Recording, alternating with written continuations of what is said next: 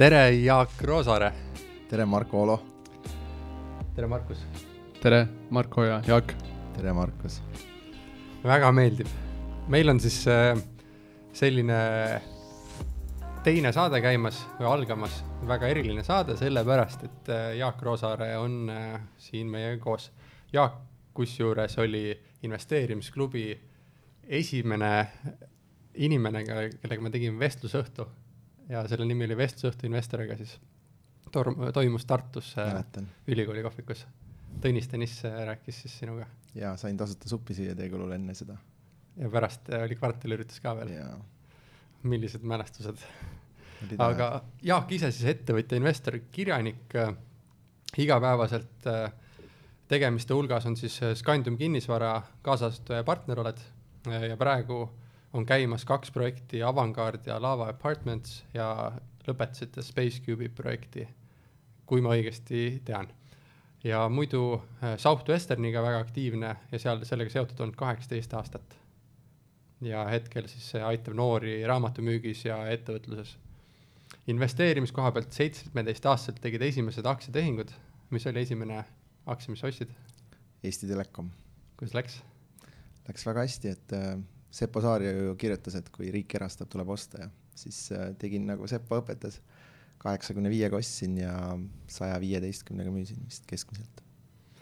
ja praegu investeerib peamiselt nelja varaklassi dividendiaktsiatesse, laenuinstrumentidesse, kinnisvarasse ja viimasel ajal ka siis äh, kasvuettevõtetesse.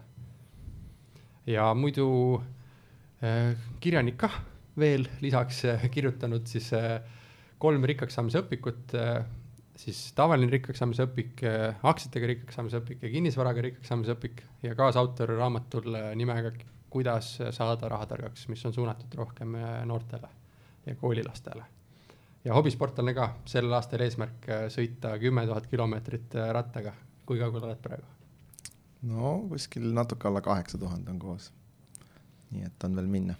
no tundub, et peaaegu kohal, et väga palju ei olegi jäänud mm. -hmm aga selline mõte siis kõigile, kes kuulavad ja, ja vaatavad seda, et äh, loosime ühe rikkaks saamise õpiku raamatuga välja või mitte ei loosi, vaid anname ühele inimesele ja annaks selle sellele inimesele, kes äh,, äh, kui me selle üles siis paneme, seal all saab kommentaaridesse kirjutada igast küsimusi, kes kirjutab Jaagule kõige parema küsimuse, siis Jaak valib selle kõige parema küsimuse välja ja annab sellele inimesele, siis meie organiseerime selle raamatu sellele inimesele ja, ja ma võin ühe veel lisaks anda, kui keegi mulle mõne tubli tudengi soovitab, kes tahab Ameerikasse raamatuid minna müüma nii et kaks raamatut äh, on siis äh, laual, üks äh, raamatumüüjale, kes, kes soovitab kedagi. ja üks muidu küsijale.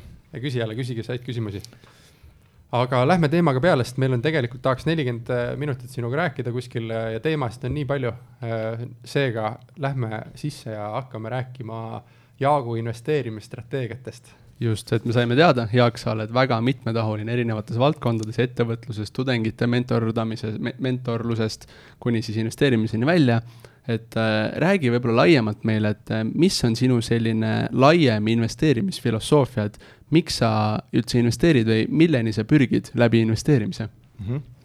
et mul oli au eile käia, või no mitte eile siis jah, eelmise nädala keskel, käia Keila koolis rääkimas lastele ja ma küsisin, et kui paljud, seal olid kaheteistkümnenda, üheteistkümnenda klassi õpilased, et kui paljud nendest teavad, mis nende kirg on, mida nad elus teha tahavad, siis niimoodi vaikselt kaks-kolm kätt tõusid, klassis oli kolmkümmend, nelikümmend inimest, et äh, mina olen selles mõttes hästi õnnelik, et ma väiksest peale teadsin, et ma tahan tegeleda rahaga ja saada ise rikkaks, aidata teisi rikkaks teha, raha kasvatada, et äh, mul on kuidagi rahaga eriline suhe olnud väiksest peale, nii, nii kaua, kui ma mäletan, nii et äh, kõik lapsepõlvemängud keerlesid ümber panganduse või äh, või poe, nii et, äh, et ma arvan, see on kuidagi niimoodi, ma ei ütleks, et kaasasündinud, aga kuidagi noore, noorusest tekkinud.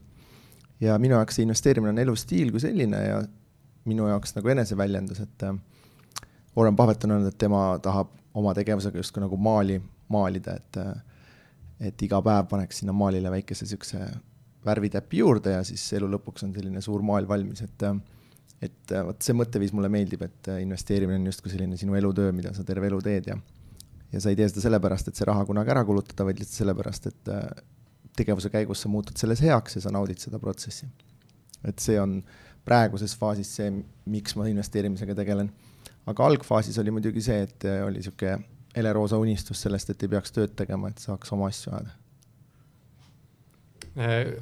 ja mis, milline investor sa olla tahad?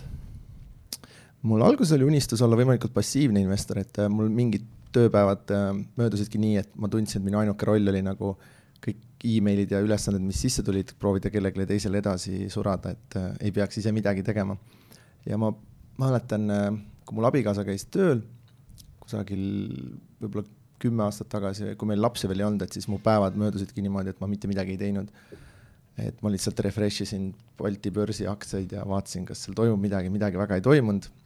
Ja siis äh, sain suhteliselt ikkagi aru, et mitte midagi tegemine on väga masendav ja siis äh, olen ikka otsinud endale järjest uusi väljundeid.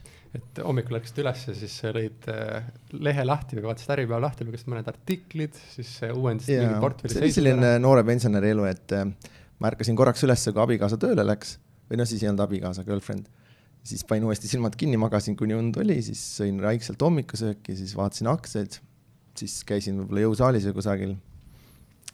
Siis hakkasin ootama, kuni abikaasa töölt koju tuleb, et selline päev oli. jah, selline raha lugemine läbi päeva on ju veidi, et, et kust mis, miskit tuleb. aga ütleme, kuidas, minnes nüüd nagu sisulisemaks selle investeerimisteemaga, et milline niisugune üleüldine võib-olla portfelli haldamise strateegia või loogika on sul nagu aidanud äh, jõuda täna sellisesse kohta, kus sa oled? Ähm, ma ise ei pea ennast nagu väga selliseks äh, väga distsiplineeritult äh, investeerijaks, kellel on hästi läbimõeldud strateegiad ja sellised allokatsioonid ja nii edasi, et ma pigem, pigem teen hästi paljusid asju ikkagi nagu kõhutunde ja emotsiooni põhjal. Ja minu jaoks investeerimises on see emotsioon ka oluline, et et võib-olla kõrvaltvaataja jaoks mõnikord ma teen nagu liiga hulljulgeid otsuseid või selliseid äh, läbimõtlematuid asju, aga aga ma olen, noh, hoolitsen nii palju, et nad ei oleks nagu selline lõviosa minu portfellist, et ma ei, ma ühegi tehinguga ei taha nii palju riski võtta, et võiks õhku lennata, et võib-olla see on selline läbiv teema, et äh, hoida sellist joont, et ükski üksik tehing ei saaks seda kogu portfelli ära uputada. aga kas sul on mõni äh, selline kibe mälestus mingist suurest raha kaotamisest ka? no vist kõige suurem summa hetkel on etalon varahalduse käes, et äh, ma ei. seda ei ole veel maha kirjutanud yeah., oled juba? Ehm, no LHV ei ole see, mis kontol näitab, aga ma ise justkui mõttes olen jah. et ma hästi ei usu, et sealt august annab nii üles-tagasi ronida, et protsentuaalselt siis tulevad väga, väga suured tulemused. ja siis ma olen paar korda kõrvetada saanud selliste spekulatiivsete tehingutega ka, et hõbedad kunagi hõbeda short'i, short isin, ehk siis nagu võtsin seal mingeid riske ja siis sama asja naftaga. Ja kinnisvaras äh, maksime ühe maja eest nagu käsiraha ette ja pärast otsustasime, et me ei taha seda maja. ja siis on mul mõned laenud, mis on noh, pole nagu raatsinud neid maha kirjutada, aga see laenuvõtja väga telefonile ei vasta, et ilmselt tuleb inkassasse mingi hetk minna. jah, tegelikult äh on nii, et kui mingid kaotused juba tekivad, siis pikas perspektiivis hakkad ikkagi mõtlema selle peale ka, et, et teeks nagu investeeringuid, mis nagu, mille põhiosa ikkagi täiesti ära ei kaoks või et äh, mis ikkagi kasvaksid. ja eriti seal laenuäris, et kui me pärast räägime selle laenu andmise varaklassist ka, et siis äh, iga aastaga ma järjest rohkem mõtlen, et äh, et emotsionaalselt ma ei naudi seda protsessi, kui pead kelleltki seda raha välja peksma, et äh, peksma siis nagu ülekantud tähendab, et äh, emailide ja telefonide teel et ma just täna ühe sõbraga rääkisin, et edaspidi, kui ma kellelegi laenu annan, et ma tahan täpselt aru saada, kuidas ta selle tagasi maksab, et varem ma andsin lihtsalt niimoodi, et mind ei huvitanud, kuidas ta selle summa tagasi maksab, vaid et peaasi, et intress laekuks. et ei olnud eriti vastutustundlik laenuandja. et äh, nüüd olen oma vitsad saanud, et äh, et nüüd ma, ja ma ei tahakski väga enam nagu niimoodi indiviididele laenu anda, et pigem siis mingitele Endoveri sugustele ettevõtetele või kuhugi. eriti mulle meeldib tegelikult laenu anda endaga seotud firmadele, et siis ma ise, ise kontrollin seda jah, väga mõistlik. aga kuidas äh, sa oled oma niisugust üleüldist äh, võib-olla varaklasside omavahelist loogikat nagu ehitanud, et sa põgusalt mainisid, et sa ei taha ühte varaklassi panna, ühte investeeringusse panna nii palju, et see kogu portfelli kaasa tõmbaks, aga ütleme protsentuaalselt, äh, suurusjärguliselt, kuidas sa oled omal allokeerinud erinevad varaklassid? jah, kui ma tagasi mõtlen, siis tegelikult ma olen ise lihtsalt õppinud järjest, et üks varaklass korraga, et ma alustasin aktsiatest, see tundus selline kõige ägedam ja võib-olla väikeste summadega kõige kättesaadavam et siis ühisrahastust veel ei olnud tekkinud. ja noh, tegelikult enne aktsiaid ma veel andsin sugulastele laenu, aga see ei olnud nagu päris, päris investeerimine, et see oli niisama. ja siis, äh, siis kaks tuhat kümme sattusin koostöös Kallega, kes mul hea sõber ja raamatumüüja minu meeskonnas oli, kinnisvaralainele, et ostsime esimese üürikorteri ja siis hakkasime flippe tegema ja vaikselt sealt kasvasime. Ja siis see laenuäri tegelikult kasvas kinnisvarist, kinnisvarast välja, et ma puutusin kinnisvaras siis kokku erinevate teiste flipijatega, kellel, kellele tuli suureks üllatuseks, et mul ei olnud suurt laenuvõimendust peal, et et kõikide teiste flipijate jaoks see pidur pudelikael oli see, et neil ei olnud vaba raha, minul oli pigem vaba raha ja siis sealt tulid need kinnisvara tagatisel laenud. ja praegu osakaaludena ma just vaatasin, on pigem siis nii, et mul kusagil kakskümmend protsenti on aktsiates ja nelikümmend protsenti kinnisvaras ja siis kuskil kolmkümmend viis protsenti laenudes ja viis protsenti startup ides või sellistes ettevõtetes, aga need on enamasti ka laenudena vormistatud, nii et võib öelda et, et nelikümmend protsenti laenud, nelikümmend protsenti kinnisvara, kakskümmend aktsiat.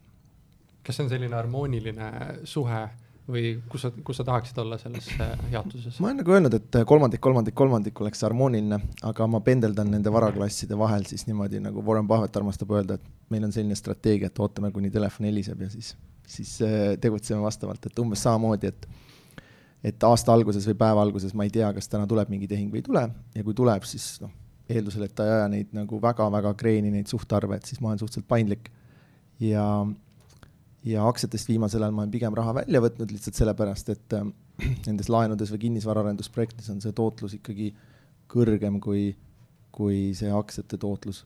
aga aktsiad jällegi mulle meeldivad, et siin nende tagatisel ma saan hästi odavalt laenuraha kaasata, nii et, äh, et neil on ka oma roll seal meil äh, ühine hea tuttav Kristjan Liivamägi on rääkinud hästi palju sellest Markovitši portfelliteooriast ja et hetke majandus siis äh, olukorras või äh, on, näitavad nagu suhtarvud ja riskiga korrigeeritud tootlused võiks enamus olla tegelikult laenudes.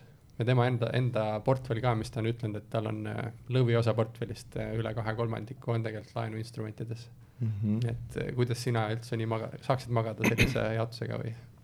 no eks need laenud on võib-olla varaklassini ei ole väga homogeenne, et see hästi sõltub, et kas sa laenad äh, oma rahast siis kuhugi eraisikule, kellel, kellel ei ole mingit tagatist või on sul mingi endaga seotud kinnisvarafirma, et äh, aga ma, ma samas väga nagu sellise majanduskonjunktuuri tipphetkel ei oleks ka liiga optimistlik, kui sa kõik raha laenudesse paned, et äh, et laenud on mõnes mõttes hästi niisugune mustvalge äh, investeering, et äh, kas sa saad raha tagasi või ei saa, et seal sellist mingit vahepealset varianti juhtub suhteliselt harva, et noh, võib-olla nii palju, et mõnikord pead vaeva nägema ja tuleb see raha kuidagi jupiti tagasi.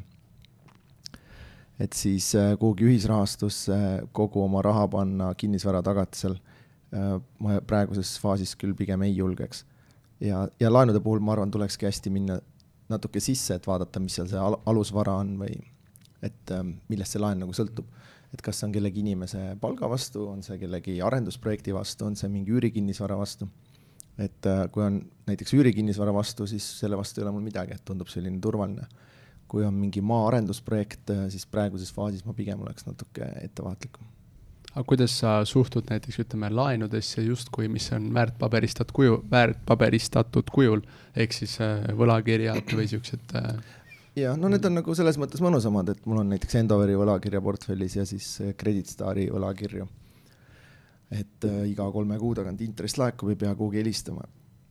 aga noh, nagu ma ütlesin, see on selline mustvalge, et vabalt võib ka juhtuda, et mingi hetk enam ei laeku ja siis ka ei ole eriti kuhugi helistada tõsi, jah. aga võib-olla üldiselt äh, nagu väärtpaberi investeeringute puhul, et äh, milliseid äh, tegureid või nüansse sa nagu jälgid seal, et me võime rääkida nii aktsiatest kui ka noh, ütleme võlakirjadest, et on sul mingisugused kindlad kriteeriumid, mida sa jälgid, mis peavad sinu jaoks olema täidetud äh,, äh noh, võib-olla alustades näiteks aktsiatega siis, et kuidas sul on mm -hmm. nendega?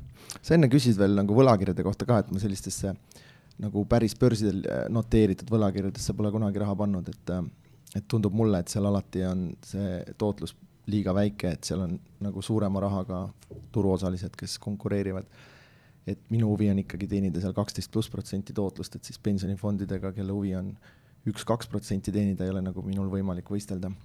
aga aktsiaid valides, siis ma üldiselt üritan samamoodi ikkagi leida mingit, kui võimalik, siis mingit eelist endal ja kui seda ei ole võimalik, siis viimasel ajal mulle meeldib selline investeerimisstrateegia, et äh, dividend growth investing inglise keeles, aga et siis äh, investeerida ettevõtetesse, kes kasvatavad oma dividende läbi erinevate majandustsüklite, et äh, ideaalis siis firmad, kes vähemalt kümme pluss aastat on seda teha suutnud, kes eelmise kriisi ajal ka suutsid dividende kasvatada. ja siis neid hajutada seal sektorite lõikes, et ei oleks ainult ühesse sektorisse paigutatud. et see tundub mulle selline emotsionaalselt hästi mõnus investeering, et ma tean, et äh, iga kvartal, eks ole, dividend laekub ja ma saan siis seda laekunud raha järgmistesse investeeringutesse edasi paigutada. ja teine selline investeerimisstrateegia on siis Berkshire Hathaway'd koguda, et ma müün sinna call optsioone ja put optsioone ka peale, et siis nagu sellist väikest lisaraha teenida, aga üritan seda aktsiat siis osta, kui ta kukub ja ja mitte müüa, kui ta tõuseb. ja siis kolmandaks on mul siis Baltikumi aktsiaid jäänud veel portfelli, et seda ma olen pigem vähendanud. Et seal on siis eraisikuna mõned dividendiaktsiad ja, ja ettevõttena siis Läti aktsiad ja ja ka mõned Eesti aktsiad. aga kas sa ütleme, mingisuguseid niisuguseid bilansinäitajaid ka nagu jälgid a la võla omakapitali suhe, mis on justkui nagu ettevõtte riski oluline näitaja? kui ma noorem olin, siis ma tegin kõvasti analüüsi, et Excelisse panin kirja iga, töötasin läbi Balti firmade äh, majandusaruanded, panin kirja kasumid äh,, käibed, ROE, ROA, kõik muu, mis seal and, andis analüüsida nüüd viimased viis-kuus aastat ei ole enam teinud seda. mis siis juhtus, miks sa enam ei tee? üks on laiskus ja, ja teine on see, et äh, rääkisime just koolilastega sellest äh,, et äh, mingi kümme aastat tagasi mul abikaasa tahtis teha esimest investeeringut ja tahtis Apple'isse raha panna. ja mina siis tegin Apple'ile samasuguse analüüsi, vaatasin, et jube kallis firma, et PE oli seal mingi üle kuuekümne. Ja leidsin Fordi, kus PE oli viis, ütlesin, et no-brainer paneme raha kõik Fordi. Fordil järgmine kvartal oli juba kahjum, PE kadus nagu ära ja Apple'il siis see PE vaikselt läks nagu järjest väiksemaks tänu sellele, et kasum kahekordistus iga paari aasta tagant. et eriti USA ettevõtete puhul ma olen muutunud suht skeptiliseks selle niisuguse Exceli analüüsi kasuteguri osas, et äh, ilmselt seda kõik arvutid teevad nagunii päris kiiresti ära, et pigem ma võtan sellise sellise näidiku nagu see dividendi ajalugu, mida noh, ei ole nagu väga vaja arvutada, mis on selline asi, mis mida ei saa kiirelt muuta, et kui keegi on kakskümmend kolm aastat dividende kasvatanud, siis äh, niisugune common sense ütleb, et kui midagi väga-väga pekki ei lähe, siis nad ei taha sellest ajaloo track record'ist ilma jääda. et siis pigem seda ja võib-olla ma vaatan natuke dividendi väljamakse kordajat ka. ja siis vaatan seda, kuidas ettevõtted aktsiaid tagasi ostavad USA ettevõtete puhul, et mulle meeldivad siis sellised ettevõtted, kes siis jagavad oma raha investoritega, mitte ei pane uutesse projektidesse, et ma olen selles mõttes natuke skeptiline nende kasvufirmade puhul. ja eriti Tallinna börsil ka, et ettevõtted, kes siin dividendi ei maksa, need ei ole ka kunagi mingit tootlust pakkunud mm. -hmm. et äh, sul oli kokku portfellis selline kakskümmend protsenti aktsiates ja nagu ma aru, aru sain, siis sa jaotad seda Balti aktsiate vahel siis äh, välisturu aktsiate vahel ja sa teed ka mingeid optsioonitehinguid äh, ühe osana nojah, et äh, mul on tegelikult siis justkui kolm portfelli, et on äh, eraisik äh, Eestis või Eest-, jah, Balti aktsiad, siis on OÜ Balti aktsiad ja siis on seal Interactive Brokers'is konto. et see on praegu eraisikul, aga ma olen protsessis, et see ettevõttele ka teha. ja. on, kuidas see sinu kogemus Interactive Brokers'iga on, et paljud ihuvad hammast tahavad ka teha ja, ja, ja ei ole veel võib-olla jõudnud, et mis sa soovitad või ei soovita? Nii ja naa, et äh, alguses äh, põhjus, miks ma sinna läksin, oligi see, et ma plaanisin niimoodi igakuiselt hakata Berkshire Hathaway aktsiat ostma ja LHV-sse teenustasu oli seal seitse-kaheksa dollarit tehingu kohta. ja siis, kui ma seal Interactive Brokeris alustasin, siis iga tehing oli seal dollar, siis keegi õpetas mulle blogis, et äh, tuleb valida seal tiered uh, pricing ja siis läks see tehingutasu kahekümne sendi peale, et läks veel odavamaks. aga mis selle siis varjukülg oli oli siis see, et kuna need tehingud olid nii odavad, siis hästi lihtne oli lihtsalt nagu for fun ka kauplema hakata seal, et äh, ja eriti kui ma nende optsioonide kohta lugesin ja õppisin, et siis ma tegin vahepeal seal päris ohtralt neid tehinguid ja iga see tehing toob sulle pärast kaasa siis kohustuse see kirja panna ja deklareerida ja, ja nii edasi, et äh, said aru, et see etalonis raha kasvatamine ei olegi nii lihtne Mikul või? jah, jah, et äh, tagantjärgi nüüd on mul see Interactive Brokersi portfell vist kolm aastat peaaegu neli aastat olnud, et äh, mul on seal kaks suurt positsiooni, üks on Apple, üks on Berkshire. Need on mõlemad seal sada pluss, sada pluss protsenti plussis ja kõik ülejäänud, mis ma olen seal teinud, on selline, et mõned on plussis, mõned on miinuses, mõned on pankrotti läinud. et põhimõtteliselt äh, portfelli edu on nagu see ära määranud, et mul on lõviosa positsioonidest kahes, kahes ettevõttes ja kõik see kauplemine on siis nagu rohkem enda lõbuks. aga ütleme, lõviosa siis Berkshire'is ja Apple'is, aga võib-olla milliseid siukseid sektoreid ennekõike või, või valdkondi sa näed endale täna atraktiivsena, et kust võiks äh, ennekõike aktsiate maastikul sinu hinnangul midagi oodata järgneva kahekümne aasta lõikes? kahekümne aasta lõikes? no kümne, kahekümne jah, no mul on äh, nagu paljudel dividendiinvestoritel, mul on siis see endine, ma arvan, et ta nimi oli Mr Fish, aga ma ei ole nüüd päris kindel, kes siis pidas seda dividendi kasvutabeli faili internetis üleval. et kus on siis ühes Exceli tabelis kõik ettevõtted, kes on vähemalt vist kümme pluss aastat kasvatanud dividende ja siis äh, need ettevõtted on mul nagu radaril, et äh, ma vaikselt hoian silma peal ja mu lemmikstrateegia ongi see, et kui mõni ettevõte nendest siis äh, saab turul pihta, näiteks noh, Starbucksiga juhtus hiljuti, et suvel vist oli, et neil tuli uus juht ja siis tõmba-, kärbiti kasumiprognoose ja siis aktsia kukkus kõvasti, siis tubakafirmadega juhtus vahepeal nii ATT-ga pärast seda ülevõtmist, kui nad Time Warneri üle võtsid. et mul on endal nimekirjas mingi viiskümmend kuni sada aktsiat, mis mulle meeldiks omada ja, ja siis ma üritan neid osta, kui parasjagu mingid halvad uudised on. ja, ja mõnikord ma ei osta neid, vaid müün neile siis puutoptsioone, et siis justkui odavamalt neid osta. ja niimoodi siis neid aktsiaid sinna vaikselt portfelli koguneb. ja, ja võib-olla jah, need äh, patusektori aktsiad, tubakad, alkohol, kanep, need on need siuksed, mis mulle meeldivad, et neil üldiselt on head äh, marginaalid ja ja nad liiguvad siis võib-olla natuke vastu voolu ülejäänud majandustsükliga, et, et see on tore. kas sul on äh, aktsiate ostmisel ka mingi strateegia näiteks, et äh, siis proovid saada keskmist ostuhinda ehk teed mitu ostu ühe suure ostu asemel või äh, jälgid mingeid indikaatoreid, mingit tehnilist analüüsi ostmisel? Räägime päris, päris ausalt siin, jah? no päris ausalt, jah et ma olen tegelikult avastanud, et iga kord, kui ma Interactive Brokerisse sisse login, ma midagi ostan, et, et et põhimõtteliselt sõltub sellest, kas mul on aega ja viitsimist sinna sisse logida.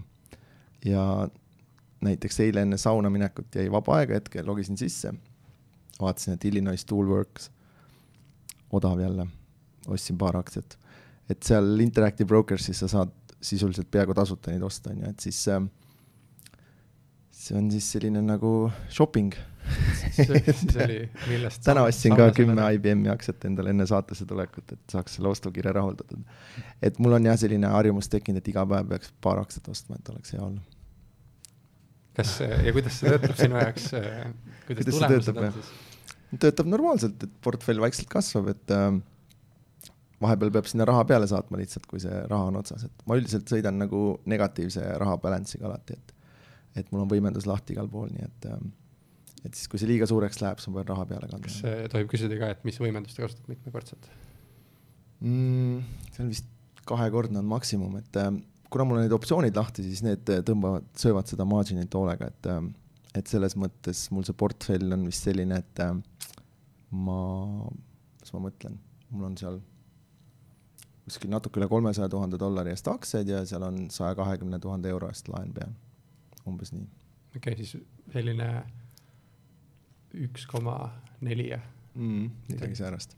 aga ma olen sealt osa raha välja võtnud siis mingite muude asjade jaoks ka, et alates sajast tuhandest on Interactive Brokersis üks protsent see laenuintress, et see on isegi väiksem kui mu kodulaenul, mis on ka üks koma kolm vist see on huvitav jah. jah, aga valdavalt me rääkisime praegu nüüd USA näidetel ettevõtetest, et mm -hmm. mida sa arvad äh, teistest maailma regioonidest, Euroopa, Hiina näiteks kasvõi on sul mingi? ma ühe kommentaari teen siia vahele Markus küsimusele lisaks, et äh, käisin siis ka Singapuris sellel World Wealth Creation konver-, konverentsil ja mm -hmm. seal oli hästi palju kuulda, kuidas suured investorid äh, ei pea, noh, Balti börsi nad ei teagi, Euroopa börsist nad ei pea üldse lugu ja, ja kuhu vähegi investeerida saab, võib-olla on nagu USA börs ka, aga nende jaoks põhitur-, turud on arenevad turud ehk et äh, kõik Aasia riigid ja, ja nemad otsivad seal võimalusi isegi ähm,, ähm, isegi suured seal tegijad äh, rääkisid ainult nagu Aasia turgudest, et siis ma ise ka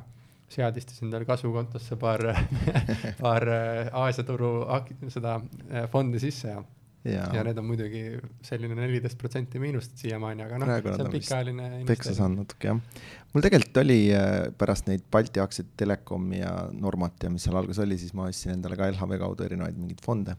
ja mäletan, oli Greater China Fund oli sihuke sümbol, mis kobinaga ma kuskil seal enne selle kahe tuhande ähm, üheksakümmend, ei, mis ma mõtlen jah, kaks tuhat seitse kriisi kuidagi kinni panin ja siis sellest saadik mul pole Hiinaga seot-, seost olnud.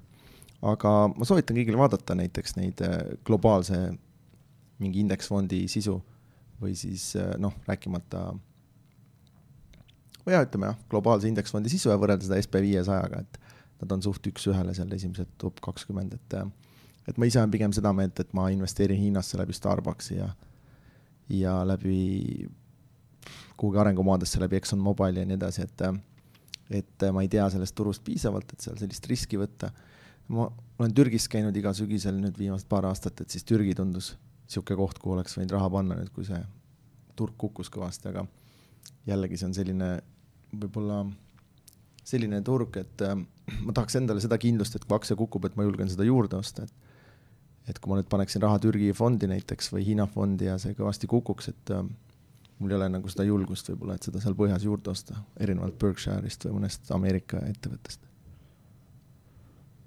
asjalik, aga äh, tulles tagasi nüüd põgu-, natukene kodumaale, et, äh, et tänasel hetkel, kas sa näed Baltikumis ka mingeid häid huvitavaid mõtteid, ideid, millel võiks võib-olla silma peal hoida või, või mis on sulle atraktiivsed, et me ei räägi siin ostu- ega müügisoovitustest, vaid lihtsalt mm -hmm. huvitavad mõtted?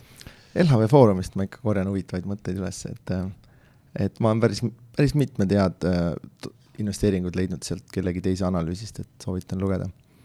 aga millest ma aru ei saa, on see, et miks on Baltikumis selline asi, et iga kord, kui, kui Nordecon teatab uuest lepingust, siis aktsia kukub, et kuidagi minu jaoks hämmastavalt äh, vastupidine seos on seal. et äh, tahaks, et Nordeconi aktsia tõuseks siis, kui need lepinguid saavad nagu Merko tegelikult aktsia tõuseb, siis kui nad suuri. Merko nagu tõuseb, on ju, aga Nordeconiga on vist nii, et kõik investorid arvavad, et nad saavad lossi ka iga objekti pealt, et mida rohkem ehitavad, seda hullemaks läheb. et ma, ma nagu imestan tegelikult äh, tõsiselt selle üle, et meil on selline kümme aastat buumi olnud, aga ehitusfirmad ei ole sinna tagasi jõudnud, kus nad olid. Nordecon oli krahhi ajal, kaks tuhat kümme oli nelja euro peal aktsia, et praegu on seal alla ühe, on ju. et kuidas see võimalik on. aga, aga muidu Baltikumis ikkagi ma jälgiks neid dividende kõige, kõige põhjalikumalt, et ähm, kes neid maksta suudab ja suudab kasvatada, nendel läheb üldiselt hästi. ja paljudele üllatuseks Tallinna börsi keskmine tootlus on kolmteist koma XX millegiga läbi viimase kahekümne aasta, nii et, äh, et tegelikult USA turule ta teeb nagu päris pikalt ära, nii et. kas sind ära ei ole hirmutanud mõned viimased äh, suured äh, börsilt väljaminejad ja üldse selline kultuur nagu, mis selles aktsiate, aktsiate taga praegu on mm,? otseselt ei ole ära hirmutanud, et seal oli ju kõigil aega ikkagi laeva pealt maha astuda päris pikalt, aga, aga noh, natuke imelik on, on ju, et äh, tuleb sulle kiri, et nüüd me võtsime su aktsiad ära. et. ja äh, investor Toomas kirjutas veel, et tal võeti viimane aktsia ühe koma nelja euroga veel ära. ja ma seda ühe koma neljaga mõtlengi, et äh, mul juhtus siuke naljakas lugu, et ma olin oma meelest enda aktsiad kõik ära müünud, aga ma äh, haldan ühte portfelli, mis ei ole otseselt minu oma, vaid on MTÜ oma ja siis äh, suvel naersin just, et kes see loll hoiab neid aktsiaid praegu ja siis tuli, avastasin, et mul oli endal ikkagi seal portfellis sada aktsiat oli veel jäänud, et aga need saigi õnneks ikkagi enne maha müüdud, kui need käest ära võeti. aga võib-olla peamine põhjus, miks mina Baltikumist välismaal olen pannud, ongi lihtsalt see, et meil ei ole sellist äh, dividend, dividendi kasvu ajalugu, ajalooga ettevõtteid, kes äh, kes suudaks seda jätkusuutlikult teha kakskümmend, kolmkümmend pluss aastat. et, et tegelikult Baltikumis, kui sa räägid siin dividendiaktsiatest ja kellel on selline äh, kasvav ajalugu dividendi maksmisel ka, et, et siis me räägime tegelikult äh, umbes viiest-kuuest äh, ettevõttest. ja noh, muidugi plusspool on see, et nende tootlused on kõrgemad kui USA-s, et äh, USA-s mul portfellis võib-olla kõige kõrgema dividendi tootlusega on ATT, mis on kuskil kuue protsendi peal ja Altre ja Philip Morris on seal viie pluss peal ja see on siis enne tulumaksu, et viisteist prossa läheb seal dividendilt maha. et siis Eestis on ju noh, päris palju neid, kes maksavad viis prossa pluss dividendi, et. viis on nagu selline vaikimisi kokkulepe, et alla selle väga ei tahetagi maksta vist. jaa, aga noh, seal dividend growth äh,, ütleme, kui sa USA turul vaatad, et siis äh, nagu ikka kõik algajad, et siis alguses sa lähedki nende suurte dividendi tootluste peale välja ja siis äh, saad oma vitsad, et need mingi hetk kärbitakse ära. Et tegelikult tootluse poolest on võib-olla kõige paremad need firmad, mis on kahe-kolme protsendi juures dividend, et aga pigem on see kasvuprotsent seal kahekümne pluss protsendi juures. et ma ise pigem seal USA-s otsingi noh, enam-vähem tasakaalustatult, et on mõned ettevõtted, kus ma otsin viis protsenti pluss dividendi tootlust, aga ma olen väga okei okay ka selliste firmadega, kus on üks koma viis, kaks protsenti, aga on selline pikaajaline äh, kõrge dividendi kasv. Okei okay,, tegelikult tahaks rääkida sinuga laenudest ka mm -hmm. ja ma arvan, et, et äh, aktsiatega saime siin päris hea pildi ette, et rääkisime natukene välisturgudest, natuke jaotusest, natuke strateegiast, aga, aga võtame siis äh, laenud ka. Äh, sa ütlesid, et laenud on sul äh, suuruselt siin esimese, teise koha peal konkureerivad portfelli osakaalus kolmkümmend viis kuni nelikümmend protsenti, et millistesse instrumentidesse sa siis investeerid, kui laenudest rääkida? jaa, et laenud on minu jaoks kinnisvaraga päris palju seotud, et enamus neid kinnisvara äh, ettevõtteid, kus ma ise osanik olen, on mingi osa raha laenanud pangast, mingi osa raha laenanud investoritelt ja mina olen olnud üks investoritest, kes on sinna laenanud, nii et ja ma ütlesin, et mulle sellised laenud võib-olla kõige rohkem meeldivad ka, et et ma justkui kontrollin seda laenutasujat ka ja et need, see on nagu ma arvan, suurem osa nendest laenudest ja siis nii nagu ma alustasin, ma andsin teistele sellist hüpoteegi tagatisel laenu, et mul on mõned sellised laenud üleval ja siis mingi aeg ma andsin laene ka ilma hüpoteegita lihtsalt sooja hingeõhu ja käepigistuse peale. Neid on ka siis seal portfellis ja siis on mingi osa neid äh, võlakirju. Kuidas see jaotub umbes, et äh, laenuportfelli sisu, et palju sul on selliseid avalikul turul olevaid ühisrahastusportaalide läbi, palju on selliseid otse sinule tulnud äh, pakkumisi ja palju on võlakirju, mis on ka tegelikult turul kättesaadavad? Mm, kõige rohkem on siis neid kinnisvara tagatisele endaga seotud asju. Äh, ma arvan, et äh, kakskümmend, kolmkümmend protsenti võib-olla, siis mul istub äh, raha seal oma rahas, Bondoras, Crowd Estate'is, Estate Gurus, kõige rohkem nendest, ma arvan, et oma rahas, ja siis, ja siis võlakirjades, ma mõtlen, on kusagil võib-olla viisteist, kakskümmend protsenti,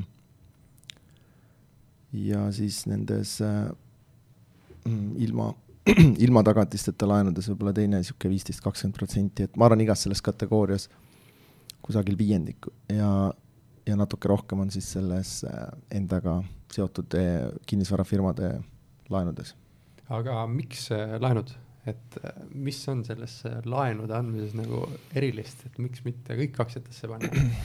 ma pigem mõtlen, et miks mitte kõik laenudesse panna, et, et tegelikult ma olen ka aktsiaid müünud selleks, et neid laene, laenudiile rahastada et noh, näiteks mul on siin, täna tuli intress Endoverilt Fabriiki, Fabriik, Fabriik, ma ei tea, kuidas seda hääldatakse, mingi Põhja-Tallinna arendusvabrik, endine mingi tehas, et üksteist protsenti intressi iga kvartal, ei, iga aasta makstakse intressi ja aegub kaks tuhat kakskümmend, et äh, miks võlakirjad, äh, et dividendi tootlust üheteistprotsendilist äh, ma arvan, väga raske saada. ja,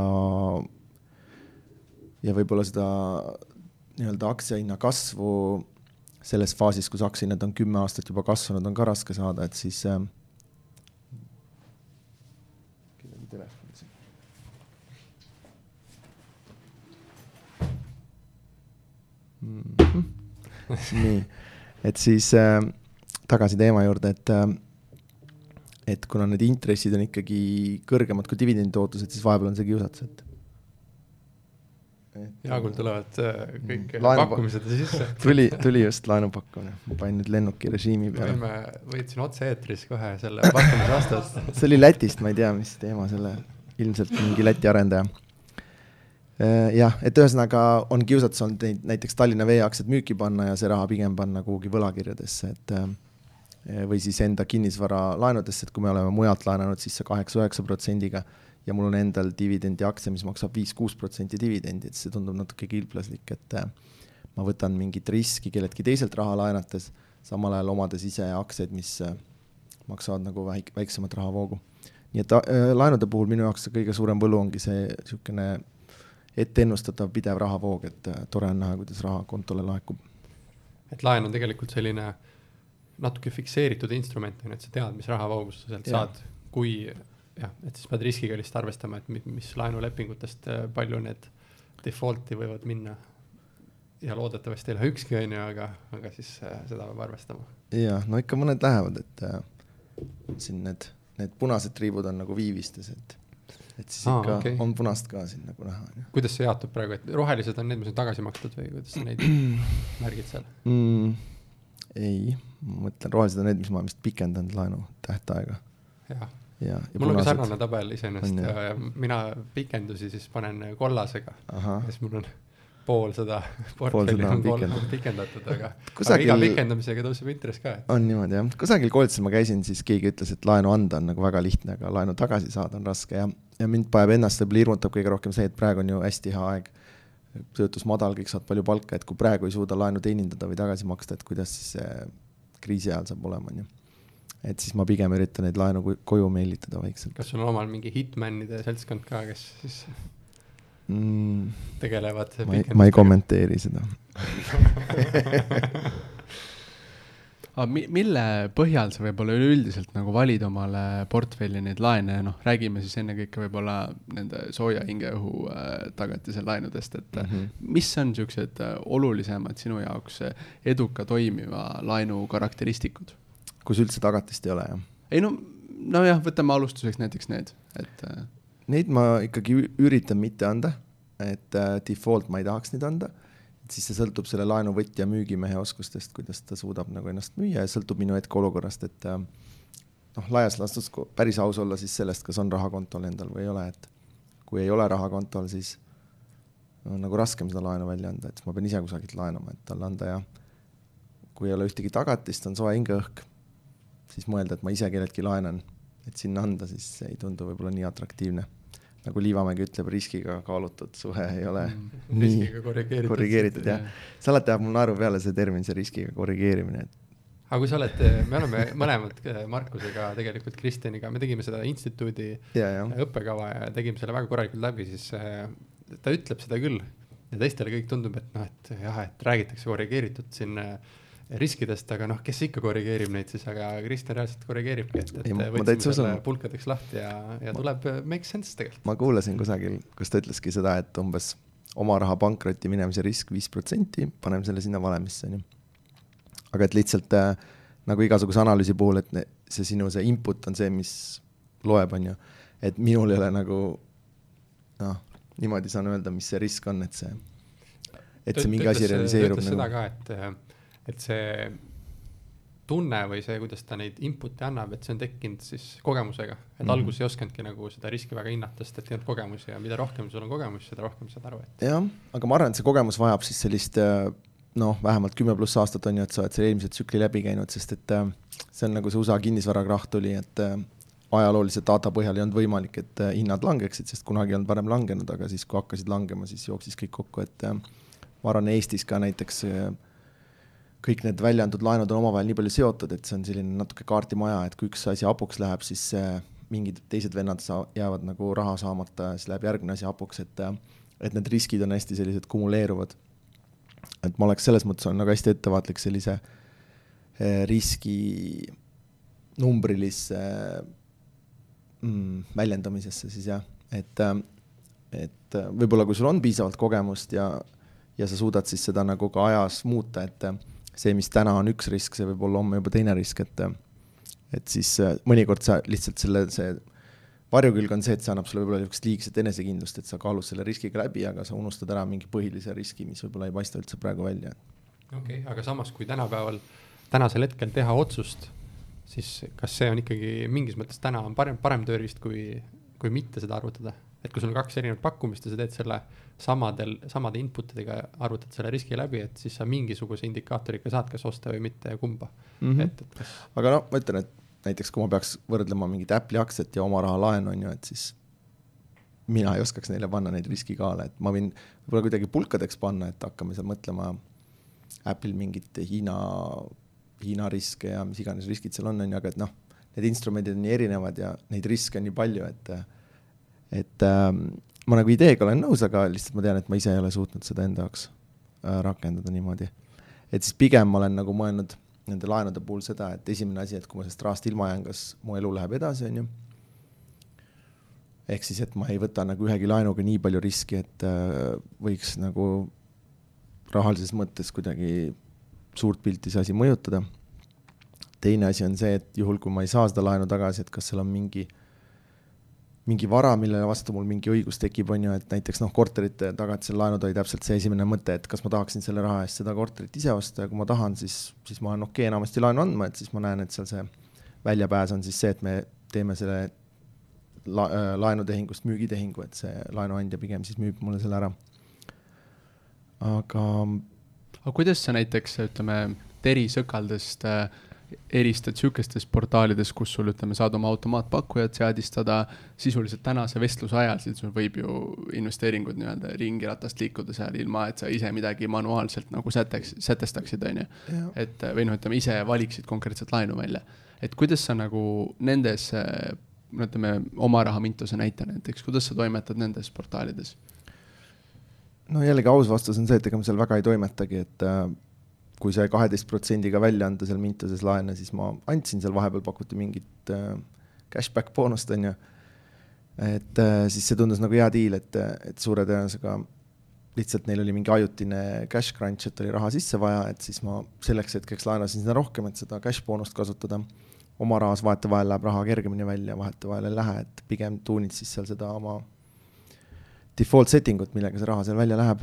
et ähm, aga et mul seal ei ole nagu nii suuri summasid, et äh, mul nagu tasuks vaeva, et äh, seal neid laene ükshaaval analüüsida või mida iganes, et pluss kunagi alguses, kui ma tegin seda seal Bondora laenude puhul, siis oli see, et äh, ikkagi sageli need andmed olid seal valed, et et läksid, läksid põhja sellised laenud, mis ei oleks tohtinud põhja minna, et seal oli umbes, inimesel oli töökoht, kinnisvara ja nii edasi, aga tegelikult ilmselt selgus, et see oli hoopis mingid valed andmed sinna pandud mm. -hmm. et äh, sa tegelikult ikkagi lõpuni ei tea mis seal taga on. kui tihti sa vaatad üldse oma seise üle oma rahas Mintuses, Crowdestate'is, Estate Gurus? ma üritan korra kuus vaadata siis, kui ma endale kuu kokkuvõtet teen, aga varem ma nagu kuidagi nautisin seda protsessi, nüüd pigem väga ei naudi nagu, et. seda ülevaatamisprotsessi? nojah, jah, et ma vaatan, et et seal nagu midagi on tiksunud jah, aga ma ei ole seal aktiivne olnud. kas on sellepärast ma... ka, et panus on võib-olla väike võrreldes teiste investeeringutega? lihtsalt mulle tundub, et see laenu teema ei anna mulle sellist emotsionaalset laengut nagu need dividendiaktsiad, et seal on tore vaadata ikkagi.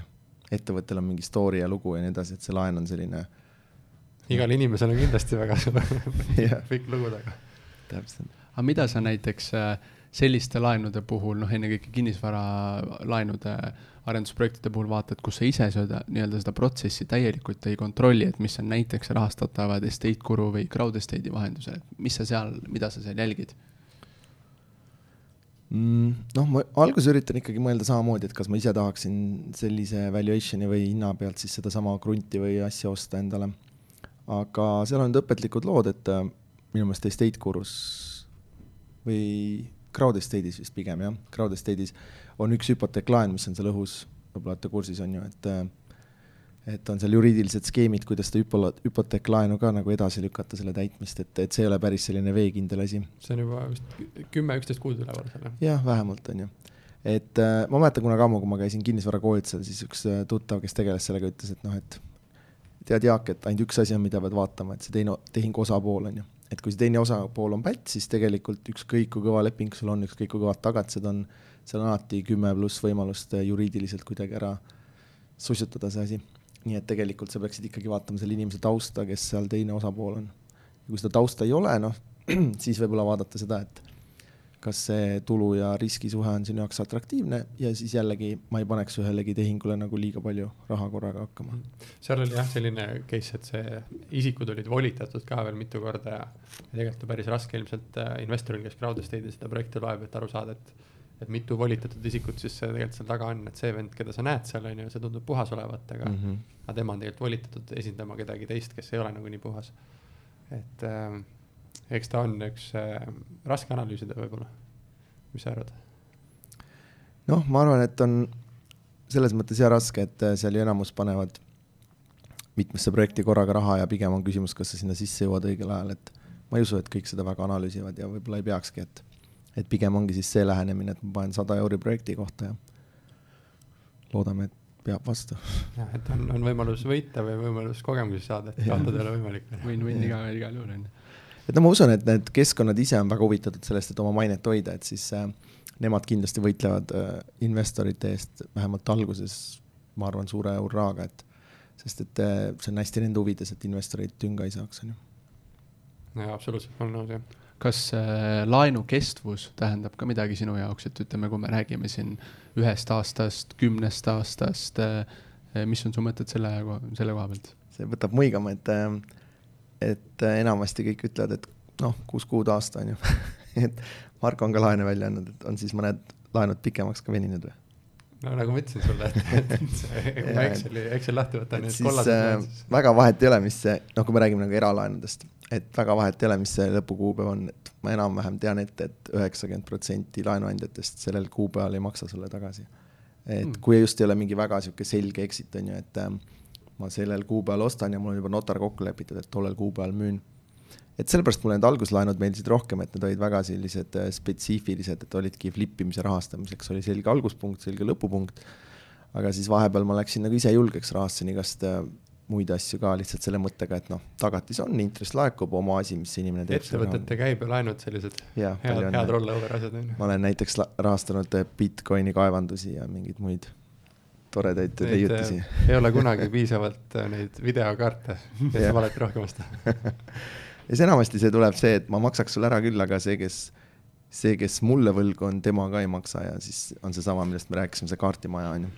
küsides selle laenuturu kohta, kuna ma ise ka mingis mõttes tean, et, et, et kui sa ise kaasad raha, et siis rahastada mingit muud laenu, siis sa ise võtad vahepealt mingi see maine riski nagu või noh, sa tagad ise oma mainega mingis mõttes seda mm -hmm. laenumakset ka, et, et kuidas sa selle ümber mõtled, et mina ise avastasin, ma väga ei taha nagu neid projekte teha, kus äh, ma võtan teistelt raha ja siis ise laenan seda edasi veel, sest et ma võtan ise nagu väikse kohustuse nendele, kellelt mina raha võtsin nagu õigel ajal tagasi maksta ja tekib selline nagu ebameeldiv olukord, et see mõned protsendipunktid, mis sa võib-olla teenid sealt, ei ole nagu seda väärt lihtsalt. Mhm. sa tegid siis nii, et sa laenasid ise neilt raha ja siis ise laenasid edasi või sa lihtsalt vahendasid seda? jah, näiteks, näiteks alguses proovisin mingit sellist varianti ja sain väga kiiresti aru, et pigem kas nad lähevad omavahel, juhatan need otse kokku, et nad yeah. saaksid oma lepingut teha või siis äh, hoopis mingit äh, teistmoodi teha, et. jah, äh, tõsi, et ma pigem olen siis võõrast raha kasutanud enda kinnisvaraasjade rahastamiseks, et, et mõned on juriidiliselt läbi minu, et mina laenan ja laenan siis ise oma firmasse edasi.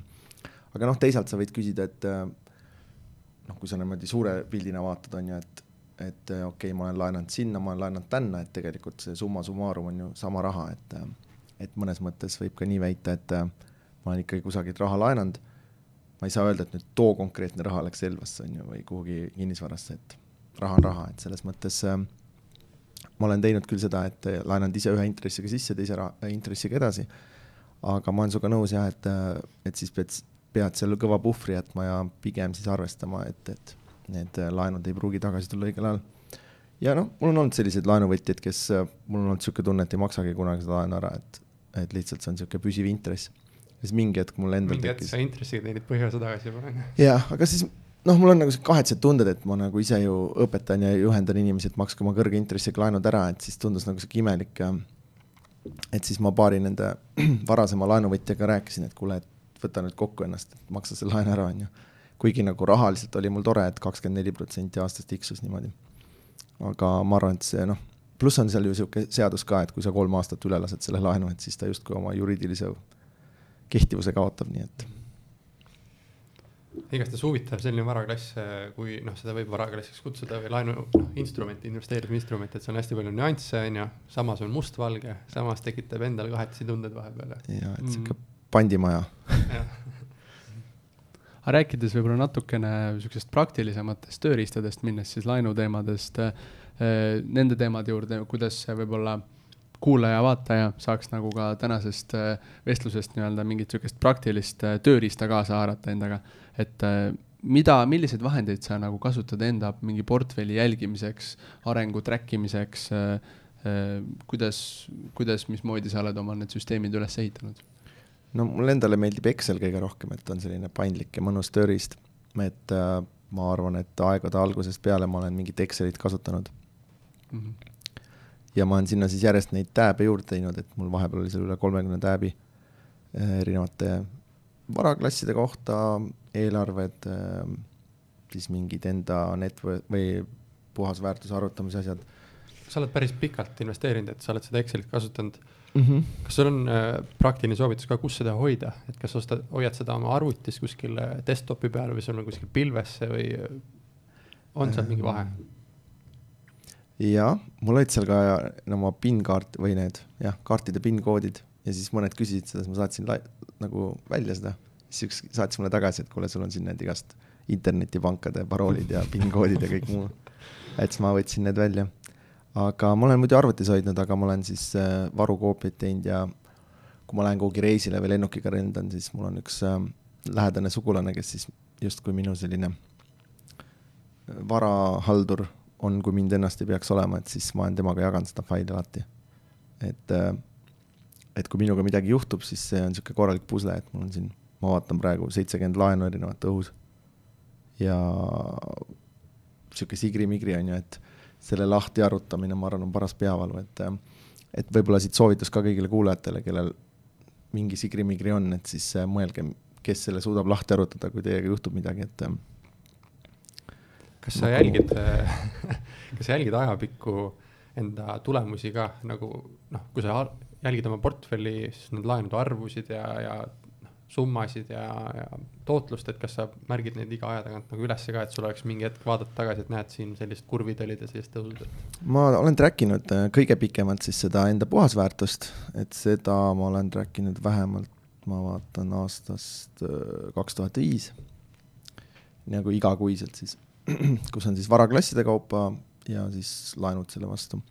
ja siis teine asi, mis mulle võib-olla kõige rohkem. numbrit tahad jagada ka või on see saladus või ei ole? ma võin öelda, et kaks tuhat viis aastal oli siin täpselt äh, kolmsada kaheksakümmend neli tuhat krooni. ja, ja palju kaks tuhat kümme oli?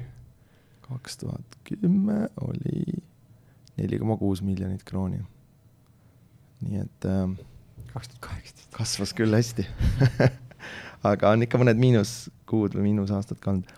aga siis äh, mu lemmik tegelikult on selline, selline fail mm,. et see on siis selline cash flow, et mulle. see on nagu sinu eelarve mingis mõttes või see on portfelli cash flow või? see on minu, kogu minu huvide cash flow ehk siis äh, mulle investeerimises järjest rohkem on hakanud meeldima see nii-öelda rahavoo värk. et cash minu taskus on ju.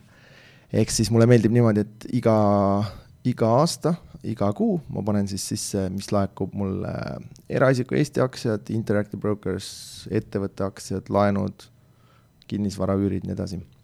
ja siis iga kuu lõikes seda nagu track in ja siis olen seda track inud aastast kaks tuhat kuus, kaks tuhat kuus pass-, no seda võib kutsuda siis passiivseks sissetulekuks, on ju. kaks tuhat kuus oli see kakssada kolmkümmend neli eurot ja kaheksakümmend kaheksa senti aasta passiivne sissetulek. ja siis äh, vot seda numbrit ma olen suutnud iga aasta kasvatada, välja arvatud kaks tuhat kuusteist, kui see oli, kasv oli null protsenti, aga kasvas viiesaja euro võrra, nii et põhimõtteliselt ähm, ja eelmine aasta oli see kokku seal saja kuuekümne tuhande kandis, nii et kahesaja euro pealt saja kuuekümne tuhande peale. et see on see, mida ma nagu mõõdan ähm, kõige rohkem. Äh, lisaks äh, nendele tööriistadele, siis väga oluline on jälgida ka nii-öelda kvaliteetinfot, sa ütlesid, sa toimetad väga aktiivselt USA aktsiaturul, et milliseid niisuguseid uudistekanaleid või, või vahendajaid sa nagu jälgid, äh, julged võib-olla soovitada ka teistele, mis on niisugused head ja no ma ei ütleks selles mõttes, et ma väga aktiivselt toimetan, et ähm, et ma lihtsalt, kui ma login sinna sisse, siis ma ostan midagi. Aga, aga ta ei ole nagu selline, et äh, ma nüüd hoian hullult uudistel silma peal, aga mul on Seeking Alpha äpp on telefonis, kus siis tulevad igast need äh, konverentskõnede äh, transkriptid siis ja, ja siis uudiseid ja siis seal on nagu ülevaade nendest aktsiatest, millel ma silma peal hoian ja vahepeal arvutis olen, siis vaatan Yahoo Finance'it. aga ma viimasel ajal avastanud, et mul on nagu kõige ägedamad päevad, kus mul ei ole aega vaadata aktsiaid, et et ma üritangi võimalikult ikkagi vähem neid nüüd vaadata. et, äh, et ei tuleks tagasi need päevad seal kümme aastat tagasi, kui päev otsa scroll isid seda aktsia hinna liikumist. mõne inimese unistus on ju, palju õnne, kellel unistus on see. elu on dünaamiline. Äh, põgusalt tulemustest ka, et, et, et mis need tulemused siis olnud on, selline tootlustulemus äh, läbi aastate või, või mida sa ise, kuhu sa sihid ja mis see, mis see reaalne tootlus on? Ehm, noh, see rahavoog on kasvanud seal alguses kolmekohalised numbrid, nüüd kahekohalised numbrid. Ehm, ja siis puhasväärtust ma olen mm,, mis mul siin plaan on? mul on plaan kakskümmend protsenti aastas oma varasid kasvatada, aga see sisaldab siis uut raha ka. ja seda ma olen siin niimoodi nagu aasta lõikes üritanud track ida, et kui aasta möödas ma panen päris numbri sinna asemele. ja on üks aasta, mis mul varad vähenesid, oli kaks tuhat kaheksa, siis kolmteist protsenti varad vähenesid eelmise aastaga võrreldes.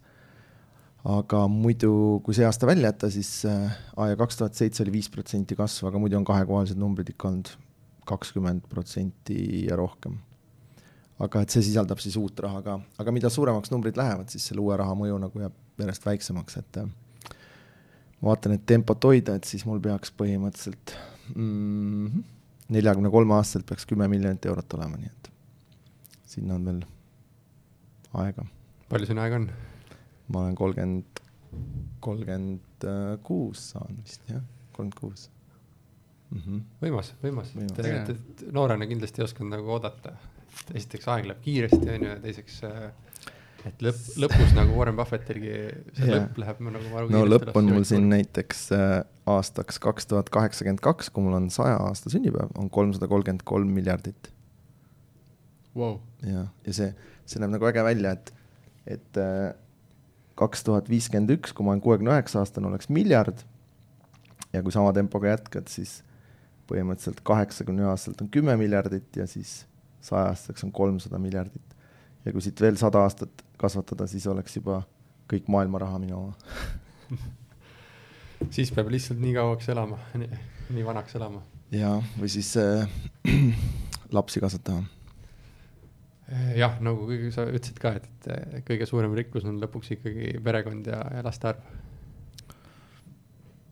no üks osa kindlasti jah lisaks rahale aga ülimalt hea oli sinuga siin äh, portfelli teemadel ja, investeerimisstrateegiatest rääkida, et selliseid äh, teemasid tihtipeale nagu avalikult ei võeta nii pulg, äh, üksipulgi ülesse ja, ja mul on hea meel, et sina oled avatud neid jagama teistega. ja, aga ma ütlen siis ära ka, et mul sõltub see hästi nagu sellisest meeleolust, tujust, et praegu on sihuke chill ja naljakas meeleolu meil siin, et, et ma võin ka väga tõsiselt rääkida hoopis teistmoodi, kuidas süvaanalüüs on ja kõike muud aga et äh, kui nagu päris, päris aus olla, siis ma arvan, et seda mingi süvaanalüüsi ära, aga pigem ikkagi lõpuks teed emotsiooni põhjal mingeid oste, et et ma arvan, et seda on nagu hea endal meeles pidada.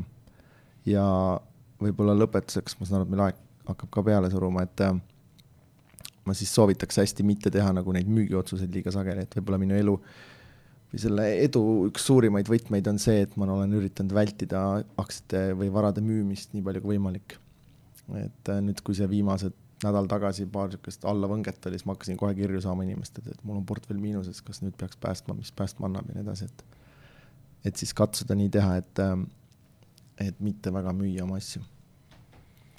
kuna meil on, me oleme kokku puutunud päris, päris mitmeid ja mitmeid kordi viimase, viimaste aastate jooksul ja, ja mulle väga meeldib, mis sina teed ja, ja sa oled meid ka toetanud, siis meil on selline küsimus, äh, kuna me tahame siin selles podcast'is ja selles saates moodustada sellise mastermind grupi, kus me kutsume siis kaks-kolm oma ala sellist spetsialisti ja, ja väga säravat inimest ja moodustada sellise mastermind grupi, kellega me hakkame igal kvartalil siis või iga poole aasta jooksul ühe korra võtame mingit sellist maailma teemasid läbi ja sellist investeerimispõhimõtted ja, ja üld, üld äh, selliseid igihaljaid investeerimisteemasid läbi võtma, et Jaak, kas sina oleksid nõus olema üks liige selles mastermind grupis?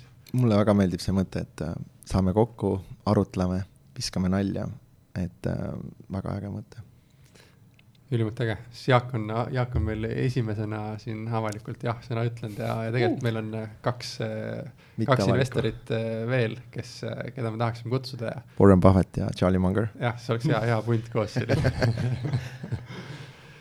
ja Markus, kas sina tahad ka omalt poolt midagi lisada? mina ütleks, et väga äge saade oli sinuga, Jaak, et ma sain nii palju siukseid isiklikke nagu mõtteid sinult äh,. aitäh sulle, et sa jagasid tõesti südamest ausalt, kuidas sa midagi teed, mida mm -hmm. sa mhm. vaatad. et, et minul oli väga väärtuslik tund aega. okei okay,, et ma ütlen, et see on nagu selline teekond, et kümme aastat tagasi ma oleks hoopis teistmoodi rääkinud.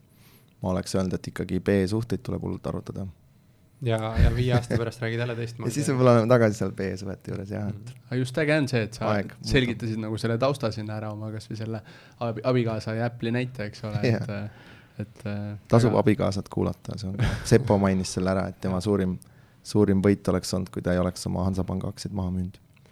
jah, seda oli, nii ta oli.